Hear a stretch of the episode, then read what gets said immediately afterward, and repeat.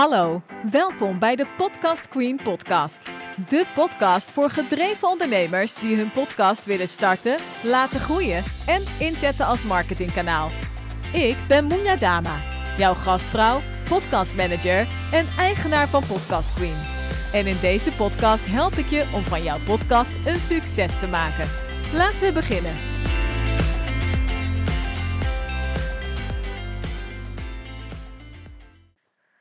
Vandaag wil ik het gaan hebben over het nabewerken van je podcast, ja of nee.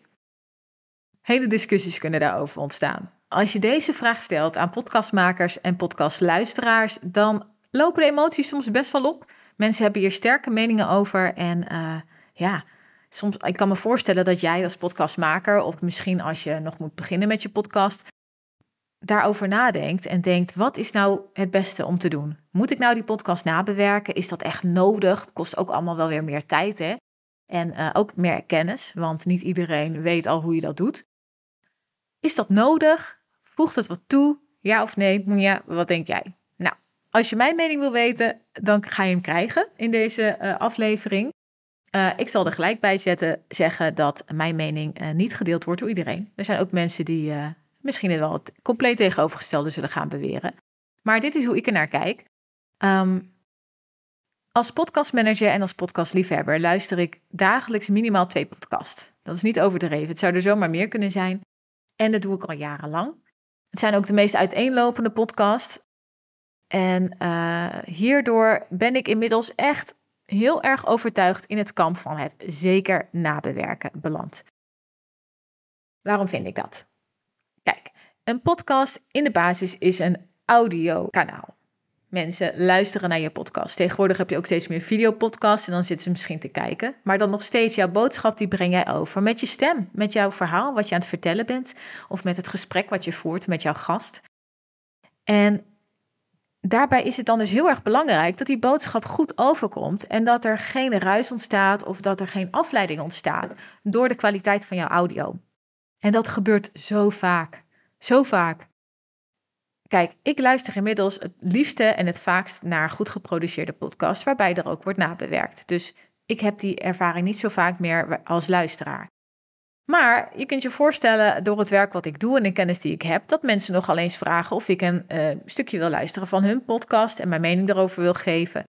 Um, en ik kom dus ook een heleboel podcasts tegen waarbij die audio-kwaliteit te wensen overlaat. En daar haken mensen op af. Je kunt nog zo'n mooie boodschap hebben of goed verhaal of prachtig gesprek.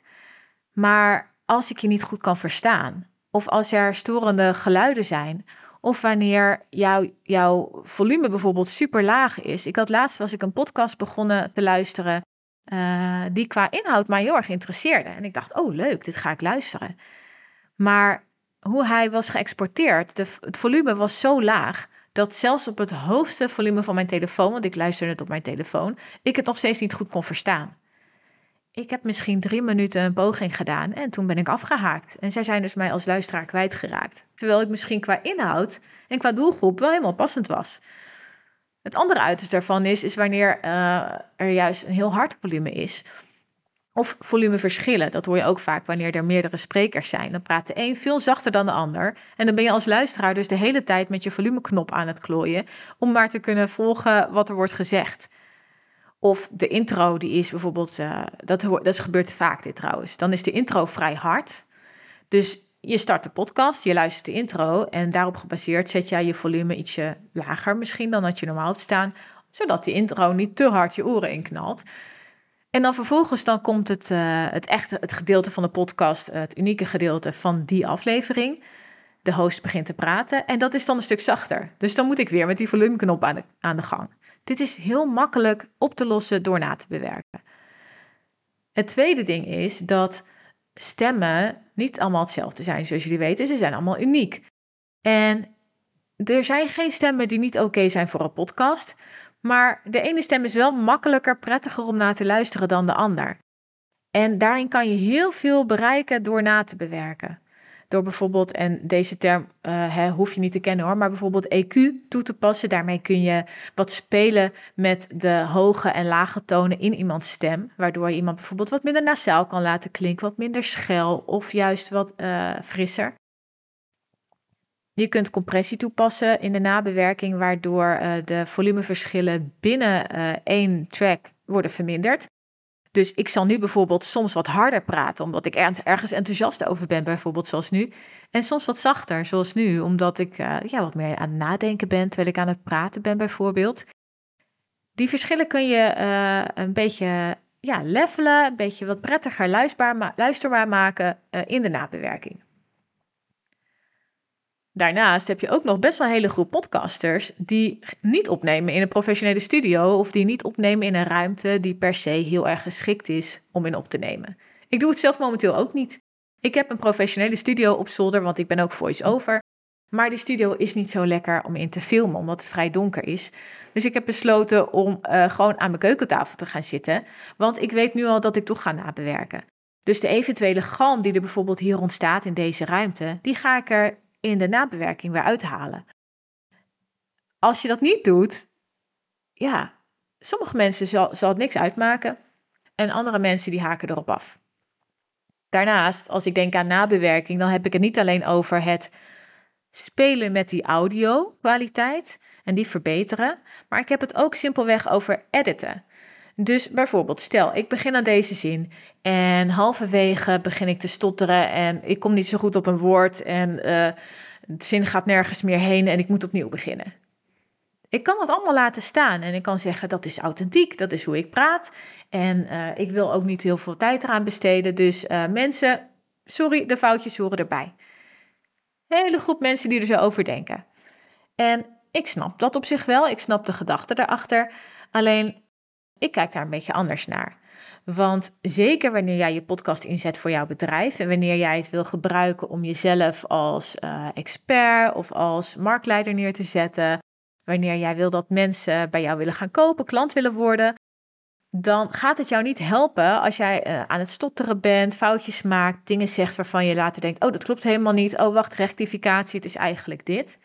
Wil niet zeggen dat je niet menselijk mag zijn. Hè? Ik zeg niet dat jij elke uh weg moet halen uit je podcast. Of dat als je een versprekingje maakt, dat je dat er per definitie uit moet knippen. Maar dan ligt het er ook heel erg aan, hoe goed ben jij als spreker? Praat jij makkelijk en vloeiend? Of gaat het allemaal wat hortend en stotender? Moet je veel meer nadenken? Begin je zinnen vaak even opnieuw? Zeker in dat laatste geval zou ik zeggen, doe wat editing na afloop. Het zorgt er voor de luisteraar voor dat ze uh, ja, veel makkelijker je boodschap kunnen absorberen, dat ze beter begrijpen wat je bedoelt en dat ze niet worden afgeleid door bijvoorbeeld stopwoordjes die de hele tijd voorbij komen of um, lange stiltes omdat jij aan het nadenken bent over je volgende vraag aan je gast. Dat zijn allemaal dingen die je heel makkelijk kan oplossen door gewoon een nabewerking te doen. Nabewerking is dus eigenlijk hè, het werken aan de audio. Het hoeft niet per se te zijn sound effects en flitsende overgangen en muziekjes eronder en ingewikkelde audiobewerkingen.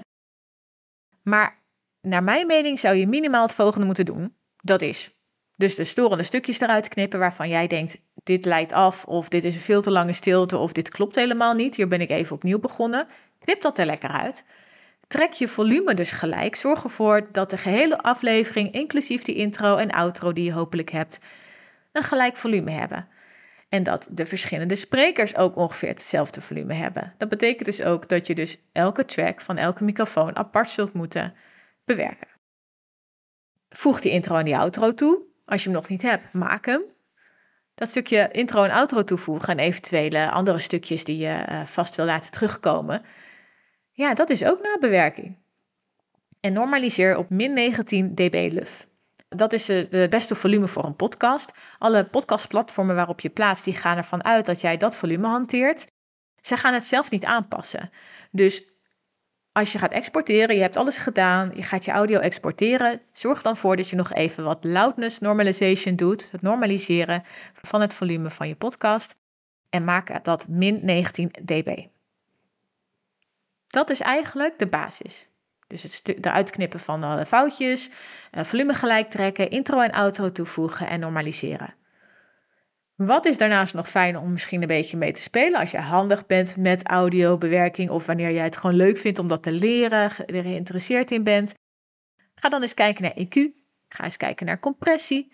Voor een mooier, voller, warmer stemgeluid, uh, wat lekker is om naar te luisteren. Wanneer je een echt goede podcast wil maken, dan hoort daar, wat mij betreft, dus nabewerking bij, inclusief het editen. Dat is voor mij ook nabewerking ja, zo ga je gewoon veel minder mensen kwijtraken die afhaken op jouw audiokwaliteit. En zet je gewoon een professioneel klinkende podcast neer, waardoor mensen jou ook gewoon serieuzer gaan nemen. Zie je het nou niet zitten om dat soort nabewerking te doen? Hoor je mij allemaal praten, allemaal met termen strooien en denk jij, Moenja, ik, ik weet niet waar ik moet beginnen? Of denk je dat ik tijd heb om elke week nog een uur te besteden aan het nabewerken van mijn podcast?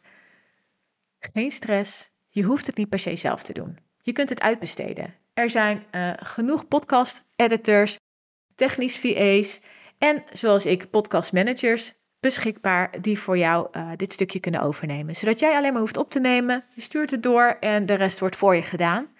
Maar dan hoef jij in ieder geval niet zorgen te maken dat de kwaliteit niet goed is en dat mensen daarop afhaken en daardoor niet jouw fantastische boodschap of verhaal of inspiratie kunnen ontvangen. Bedankt dat je luisterde naar de Podcast Queen podcast. Wil je nog veel meer tips krijgen om jouw podcast te laten groeien? Abonneer je dan, zodat je geen nieuwe afleveringen hoeft te missen. En ben je er klaar voor om één op één met mij te werken aan jouw podcast, zodat je in minder tijd meer uit je podcast gaat halen? Klik dan op de link in de show notes om een vrijblijvend kennismakingsgesprek bij me in te plannen. Tot de volgende aflevering.